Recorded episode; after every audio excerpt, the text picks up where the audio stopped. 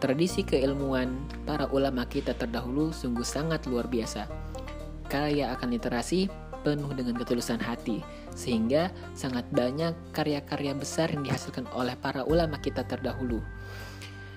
Dan kini, karya-karya besar tersebut berupa berbagai kitab-kitab para ulama sudah banyak yang diterjemahkan ke dalam bahasa Indonesia. Namun sayangnya, kita umat muslim terkadang sukar untuk mendapatkan akses bisa belajar langsung dari kitab-kitab tersebut, entah dari kitabnya ataupun dari waktu untuk menyediakannya. Maka kini hadir Talaki Kitab sebagai podcast yang akan membacakan kepada teman-teman semua literatur-literatur keislaman. Semoga bermanfaat, semoga berkah.